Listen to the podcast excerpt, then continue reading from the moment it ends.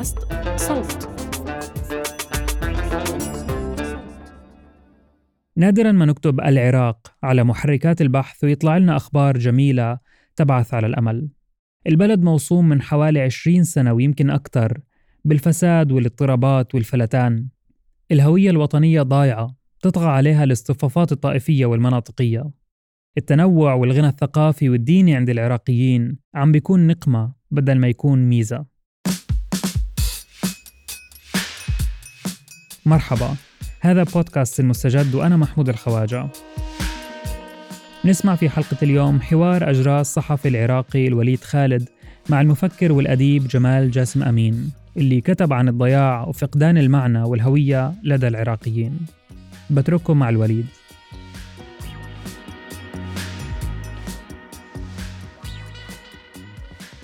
مرحبا بكم مستمعين بودكاست المستجد. حوار مع الأديب والمفكر جمال جاسم أمين عن ضياع الهوية العراقية أو تمييع الهوية الوطنية للفرد العراقي وتصدير الهويات الفرعية.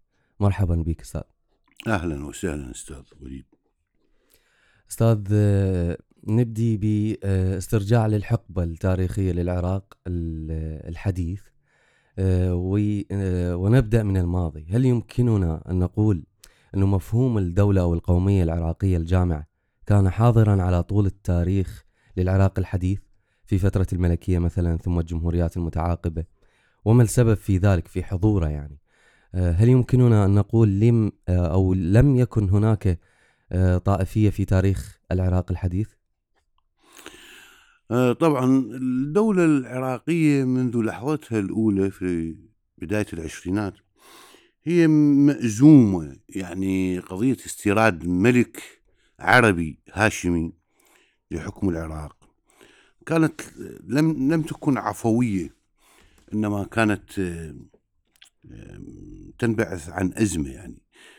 فالصراع الخفي للهويات كان حاضرا وهو الأمر الذي اضطر البريطانيين إلى استيراد ملك عربي هاشمي لترضية الطرفين من باب قومي وطائفي. لكن هل استطاع الحكم الملكي وما بعده أن يصهر المكونات في شعب؟ توجد كلمة للملك فيصل سنة 1932 يقول لم يكن ثمة شعب هناك تكتلات وصفها بأنها ميالة للسوء ميالة للفوضى والانقضاض على كل نظام أو سماعون للسوء يتذرعون أو يتدرعون بأعراف بالية. الكلمة موجودة ومعروفة للملك فيصل الأول عن الشعب العراقي بأنه لم يجد شعبا. هل استطاع الحكم الملكي أن يصهر هذه المكونات أو هذه التكتلات في شعب؟ في هوية وطنية جامعة. حاولوا نعم عبر الدستورية الحكم الملكي كان حكما دستوريا لكن ثورة أو انقلاب عبد الكريم قاسم أعاد المشكلة إلى جذرها. عندما انقلب على الدستورية الملكية وأدخل العراق في مرحلة الشرعية الثورية ثم نتج ما نتج عن هذه الشرعية الثورية التي هي ضديد الشرعية الدستورية. الحكم القومي الشمولي أيضا أسهم في تأجيل المشكلة ولا نقول القضاء عليها بدليل أنها تفجرت بعد 2003 إذا هناك مشكلة مكوناتية مشكلة بنيوية في الشعب العراقي نائمة أو مؤجلة منذ لحظة تأسيس الدولة العراقية. وطبعا هذا الموضوع يحتل غرابة معينة يعني الدول الأخرى أليس فيها مكونات؟ هل العراق وحده ينفرد بهذه السمة؟ أنا أعتقد أن ليس العراق وحده ينفرد بهذه السمة بل العراق وحده ينفرد بهذا الصراع. هناك دول مجاورة وغير مجاورة فيها من المكونات أكثر من الشعب العراقي. لكن ليس فيها صراع يشبه الصراع العراقي. ولهذا الصراع أيضا مغذيات أقليمية. إذا هو كان موجود لكن مؤجل. نعم. هل يعد الغزو الأمريكي أستاذ للعراق اللحظة الفارقة وبداية لتفتت الهوية العراقية الجامعة على حساب هويات عرقية ودينية فرعية؟ أم إنه الأمر إلى جذور آه، سابقة مثل ما ذهبت حضرتك بإجابة السؤال الأول؟ الغزو الأمريكي للعراق آه، لم يكن هو أوجد الهويات الفرعية، الهويات الفرعية موجودة، لكن لكن الأمريكان والغربيين عموما لديهم دراساتهم وبحوثهم عندما أرادوا أن يعلنوا صولة الربيع العربي اختاروا العراق نقطة انطلاق لأنه يمتلك مكونات مكونات هشة صالحة للتفتت تحت أي ضربة. فكان اختيار العراق منطلقا للربيع العربي محسوبا ومدروسا على اعتبار أنه جاهز للتقسيم جاهز للتفتيت جاهز لللبننه جاهز للصراع. فرؤية الأمريكان كانت واضحة ودقيقة أنها بدأت من المنطقة الرخوة لتنطلق إلى المناطق الأخرى وهو ما اطلقوا عليه أو اسموه بالربيع العربي وهو ربيع التفتيت وربيع التقسيم الذي طال دولا أخرى في المنطقة لبنان وسوريا واليمن وحتى مصر وليبيا إلا أن لمصر ظروفها التي تحتاج إلى بحث آخر استطاعت أن تنقذ نفسها من هذا المشروع المعولم القائم على التفتيت وضياع الهويات. ولهذا حضرتك استعاريت جملة بالأزمة المفتوحة عن المفكر علي ما يحضرني اسمه بلقاء مع العربية الحدث. قلت الربيع العربي كشف عورات الحكومات وعورات المجتمعات أيضا على مشاكلها نعم وعورات الشعوب. نعم. يعني لا يمكن للشعوب المتماسكة عضويا أن تنكشف عوراتها بهذه السرعة وبهذه الطريقة. إنما هناك أكو مشاكل بنيوية تظهر في الصدمات تظهر في الصدمات. أستثني عن من هذا من هذا التشخيص أستثني الأمة المصرية. أنا أعتقد أن الأمة المصرية هي الأمة الوحيدة المتماسكة في الشعوب العربية. أه سلمت حضرتك باتجاه إنه المشاكل موجودة لكن الغزو الأمريكي استغل آه، واستثمر في هذه المشاكل أحسن. نعم. ما الذي فعله تحديدا الغزو برأيك لتأصيل هذه المشاكل الغزو الأمريكي للعراق عمق الانقسام الطائفي وال آه، والعرقي أو القومي آه، من خلال تسمية المكونات يعني كان الصراع موجود بين الطوائف لكنها لا تسمى مغطى مؤجل ملثم في تشكيلة آه، مجلس الحكم التي أنشأها بريمر كان التقسيم واضحا. كذا مقعد للسنة وكذا مقعد للشيعة وكذا مقعد للكرد وكذا مقعد للمسيح. نعم. فسمى الأشياء بأسمائها آه، بشكل مفضوح وعلني. طبعا تسمية المشكلة أو تسمية المكونات هو نوع من من التشجيع يعني. يعني لذلك نرى أن بعض ان العرب لا تسمي المرض الخبيث باسمه. آه، تتحاشى عدوى الاسم. اللغة خطرة. هايدغر يقول اللغة أخطر المقتنيات. فأنت تقول فلان مصاب بالمرض الخبيث. نعم. لا تقول بالسرطان. باعتبار أن التعتيم على المسمى فيه وقاية. فيه وقاية. يعني بمجرد حضرتك تذهب باتجاه أنه يقول الغزو هذا المكون الشيعي أو هذا نعم، الكرسي نعم للمكون نعم الشيعي؟ هذا هذا تكريس أه. هذا تكريس وهذا تشجيع وهذا أدخلنا منطقة التقسيم الفعلي. أه. وهذا سهل للطائفيين أن يتحدثوا بالطائفية من باب أنها آه، دونت وأنها عرفت وأنها دخلت في الدستور دخلت في القوانين والأعراف. السياسيه الآن السياسيون يصنفون. نعم. هذا من هذا الطائفة وهذا من هذا الطائفة. الكتل تصنف هذه كتلة من لهذه الطائفة وكتلة. هذا الأمر حدث بفضل الغزو الأمريكي. م. يعني قبل الغزو الأمريكي كان الصراع موجود إلا أنه لم يسمى ولم يعلن. هذا هو الفرق. آه، نذهب آه، باتجاه لحظة 2003 لحظة آه، سقوط نظام صدام حسين. واللحظة اللي هي طبعا هي التجلي للغزو بسنة 2003 آه، هل آه، كانت آه، هذه آه، نتيجة حتمية؟ يعني البعض يرى أو يذهب باتجاه أنه آه، نتيجة حتمية لسقوط نظام معين بغض النظر عن رأينا بالنظام. وهذا متفق عليه على أنه هو ديكتاتوري. آه، بالضرورة سقوط أي نظام لدولة هو خروج للهويات الفرعية. ليس بالضرورة سقوط النظام السياسي لأي دولة أنها تتفتت وتخرج للهويات الفرعية. مهم. أبدا هذا الكلام غير سليم وأنا أعود إلى التجربة المصرية. نعم. ثلاث أنظمة سقطت خلال أقل من عقد. لكن المصريين بهويتهم المتماسكة بقوا مصريين. بقوا مصريين ولم يرجعوا إلى هوياتهم الفرعية. لأن الدولة المصرية دولة قائمة على الأرض وهناك مؤسسات ثابتة دع... لها دعامتان القضاء والجيش. الجيش مصري.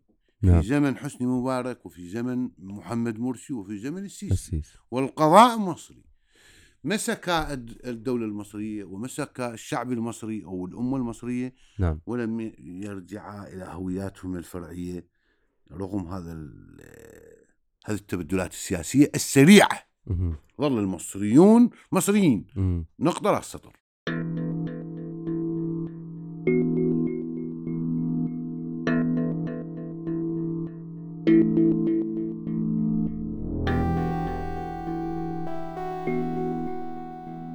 المفكرون الجدد هنا اقتبس طبعا من نعم. كتاب الأزمة المفتوحة لحضرتك. المفكرون الجدد ينبغي أن يكونوا عمليين بلا هذيانات تبريرية. تهدر الوقت لصالح الراهن الراهن الذي يهدر الدم. آه انتهى الاقتباس. هذا اقتباس من كتاب الأزمة المفتوحة آه أستاذ. آه برأيك ساهم بعض المفكرين بالتأسيس والدفع باتجاه تبني خطاب الراهن الذي يهدر الدم؟ آه وما الذي فعله؟ أنا أعتقد أن الهذيانيين جميعا ساهموا مم. يعني في الوقت الذي تكون هناك أزمة تحتاج إلى حلول عملية فيأتي أكاديمي مثلا هذياني مم. أنا أعتقد ساهم فيأتي أديب هذياني يكتب الشعر لأجل الشعر يكتب الشعر برؤية بلاغية برؤية نرجسية عنده الأدب غناء ذات منفصل عن مرجعية الواقع الذي ينزف دما. أنا أعتقد أنه ساهم بطريقة أو بأخرى. المفكرون الجدد كان عليهم أن يكونوا مفكرين ملتزمين عليهم مسؤولية ولهم رسالة. آه، قليل من آه، انتبه لهذه المسألة. وأنا أعتقد في المشروع الذي أطلقناه سنة 2005 وأسميناه البديل الثقافي كنا نبحث عن مفكرين جدد لهم رسالة ولهم قضية عن ثقافة مقاومة لأجل السلم الأهلي لأجل دولة القانون لأجل الأمة الواحدة لأجل الهوية الوطنية. آه، هذا المثقف المقاوم للإنساق التالفة أو مفكر الأزمة كما أسميناه. المفكرون الجدد هم مفكرو أزمة. ومفكر الأزمة عملي ولا يمكن أن يكون هذياني بالمرة لأن لا وقت لديه للهذيان. وإنما نحتاج إلى إسعافات سريعة آه، نمسك صنبور الدم الذي يجري. والعراق كما ترون ويرى العالم كله أنه منذ أكثر من 18 سنة ينزف. هل من المعقول أن المفكر أو المثقف أو الكاتب يكون كاتب رفوف؟ كاتب بمعنى الكتابة ال- النصية التآليف مؤلف. نحن نحتاج إلى تآليف تلامس الواقع تلامس عصب المشكلة. ولا تتغنى بالمشكلة عن بعد. ولا تغني للذات المنفردة المعزولة.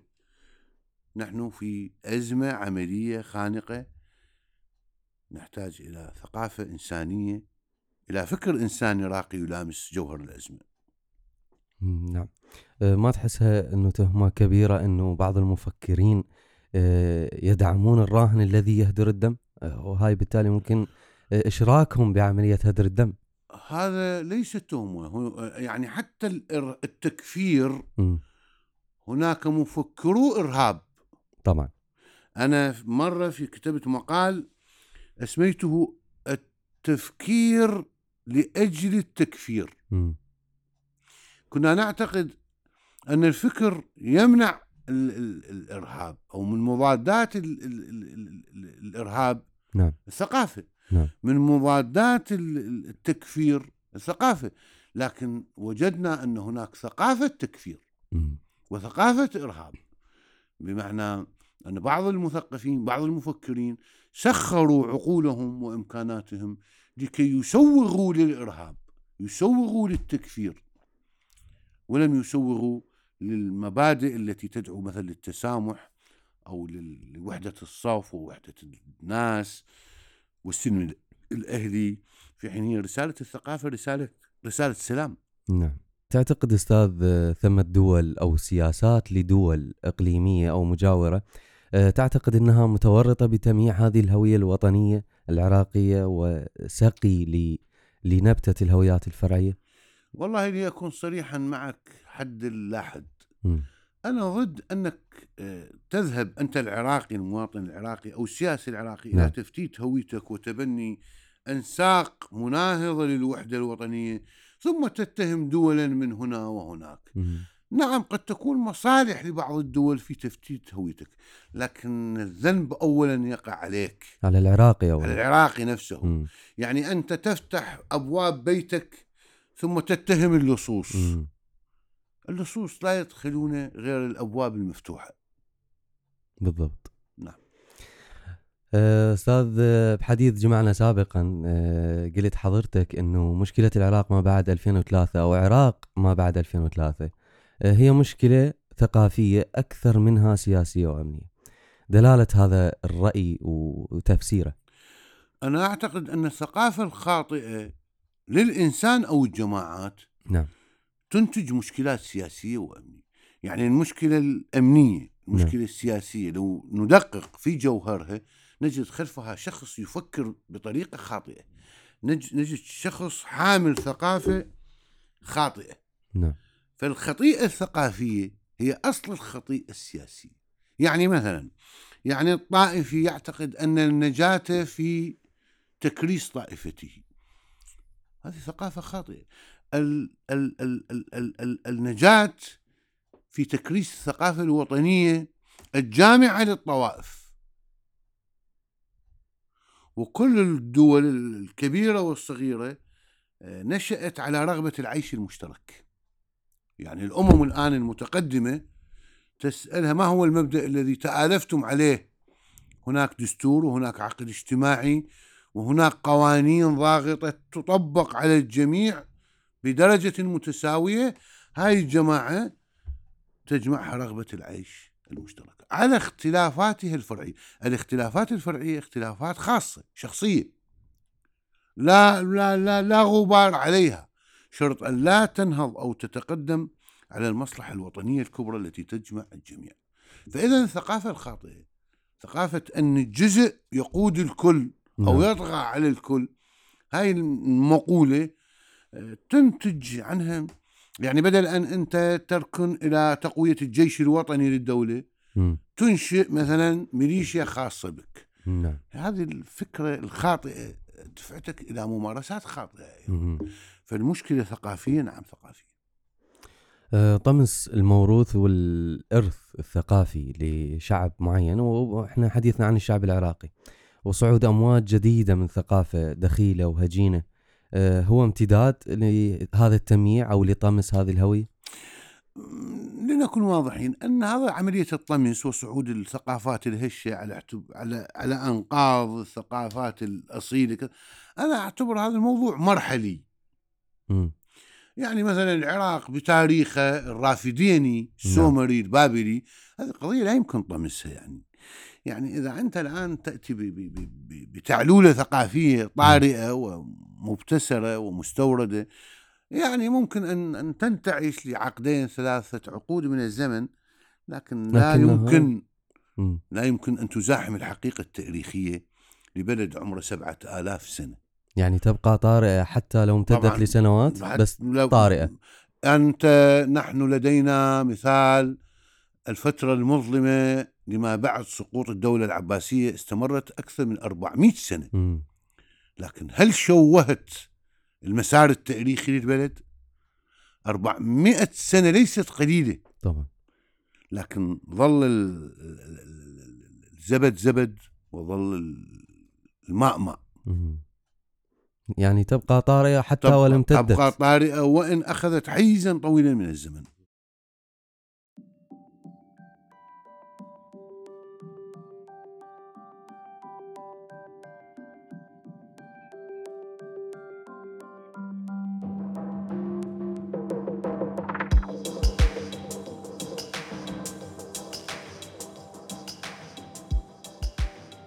نقمة التنوع والاختلاف تحدثت عنها حضرتك بالأزمة المفتوحة أه، هل ترى أن التنوع صار أه، نقمة وسبيل للتقسيم أكثر منه للتوحد؟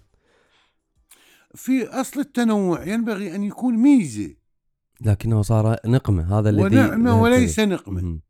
الإرادات السياسية المنحرفة حولت هذا التنوع من نعمة إلى نقمة مم. يعني التنوع مثلا مسألة طبيعية أن الله سبحانه وتعالى خلق الكون متنوع. مم. جمال ال- ال- الكون في تنوعه.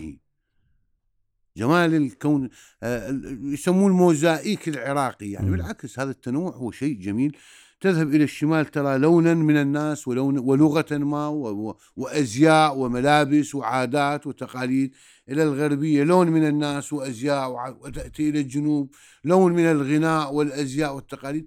هذا هذا ميزة ي- يمنح العراقي يت- يتجول في حقول من من من التنوع الجميل يعني تحول إلى نقمة بفعل ال- ال- ال- الاستخدام السياسي الخاطئ وتحويل مكونات هذا التنوع إلى مكونات متصارعة لا مكونات متآخية ومنسجمة كما يفترض أن تكون.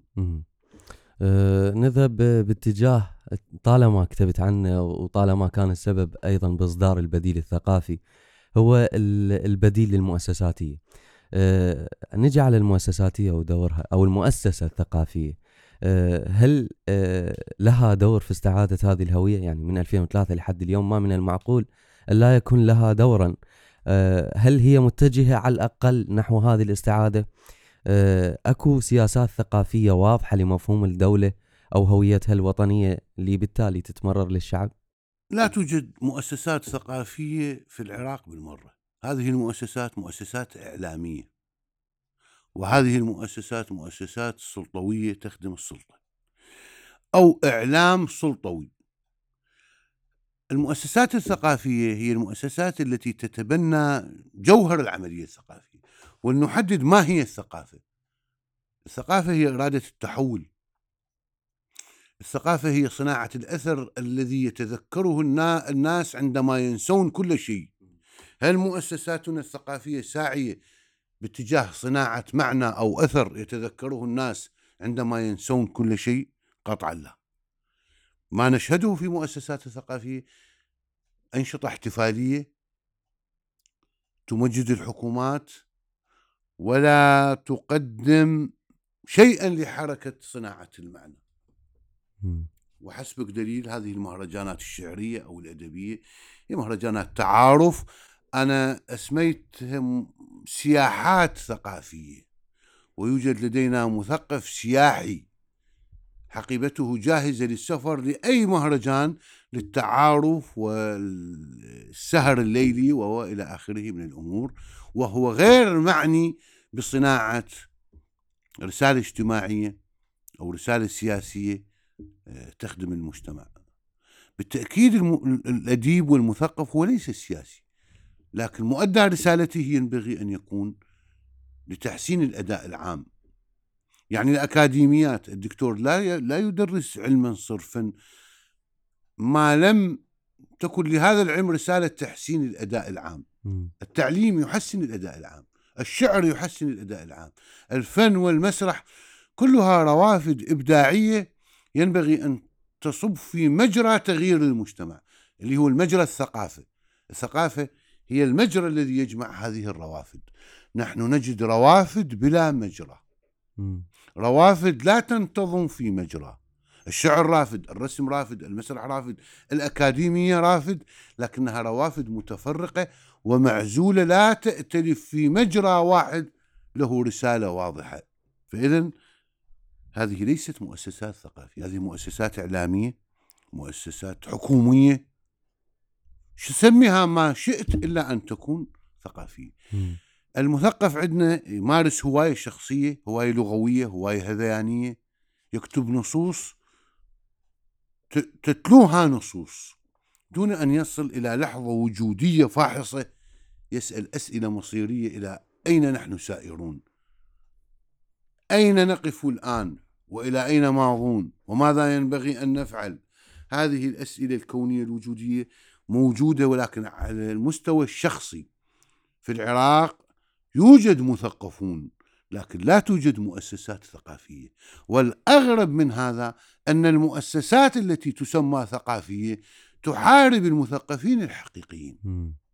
المؤسسات التي تسمى ثقافية تحارب المثقفين الحقيقيين لأن هؤلاء المثقفين لا يجنحون أو لا يميلون لأجندتها الإعلامية البعيدة عن جوهر الثقافة هذا الكلام صريح وواضح وأنا عندي ثابت مم. أه، أستاذ شنو السبيل لإرجاع الفرد العراقي أه، لهويته الوطنية بدلا عن هويته الدينية والطائفية والعشائرية والمناطقية؟ إذا سلمنا إنه لا توجد بالمرة مؤسسات ثقافية حتى تتبنى خطاب استعادة الهوية. فبالتالي شنو السبيل لاستعادة هذا الفرد أو لاستعادة هويته على الأقل؟ والله من أين نبدأ لاستعادة الهوية الوطنية؟ سؤال واسع ومداخله كثيرة لكن أول نقطة نحتاج إلى القوانين. يعني أنا قلت وأقول أن العراق عندما تدهورت هويته الوطنية وتدهور اقتصاده وتدهور أمنه تعرض إلى خيانة قانونية. المشرعون تخلوا عن مهمتهم عندما نعود إلى نقطة تشريع قوانين ضاغطة وليس المهم أنك تشرع القوانين ما لم تطبقها. يعني يعني نحتاج إلى قضاء يشرع القوانين ويضمن تطبيقها بشكل عادل على الجميع. عندئذ تبدأ الهويات الفرعية تنحسر تحت سلطة القانون.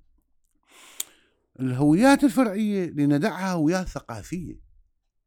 لا بأس بها. ننظر إليها كأنها هو- أو على أنها هويات ثقافية. اختلاف ثقافي. مم. عادي لكن أن أن يبتدع أن يبتلع مفهوم الدولة مم. هذا هو الضار إذا كيف نبني مفهوم الدولة؟ ما هي مفهمة الدولة؟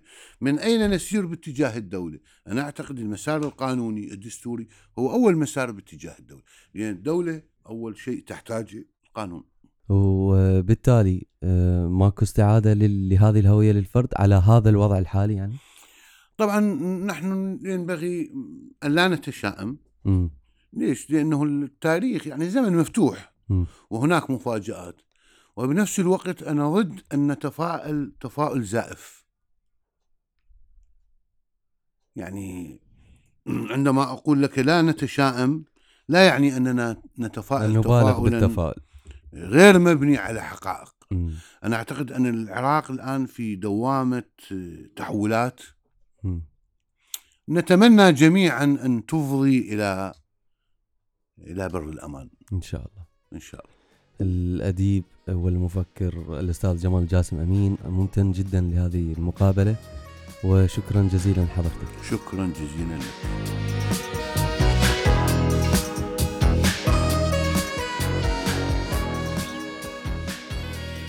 أنتجنا هذه الحلقة من العراق لبودكاست المستجد بالتعاون مع مؤسسة فريدريتش إبرت العراق.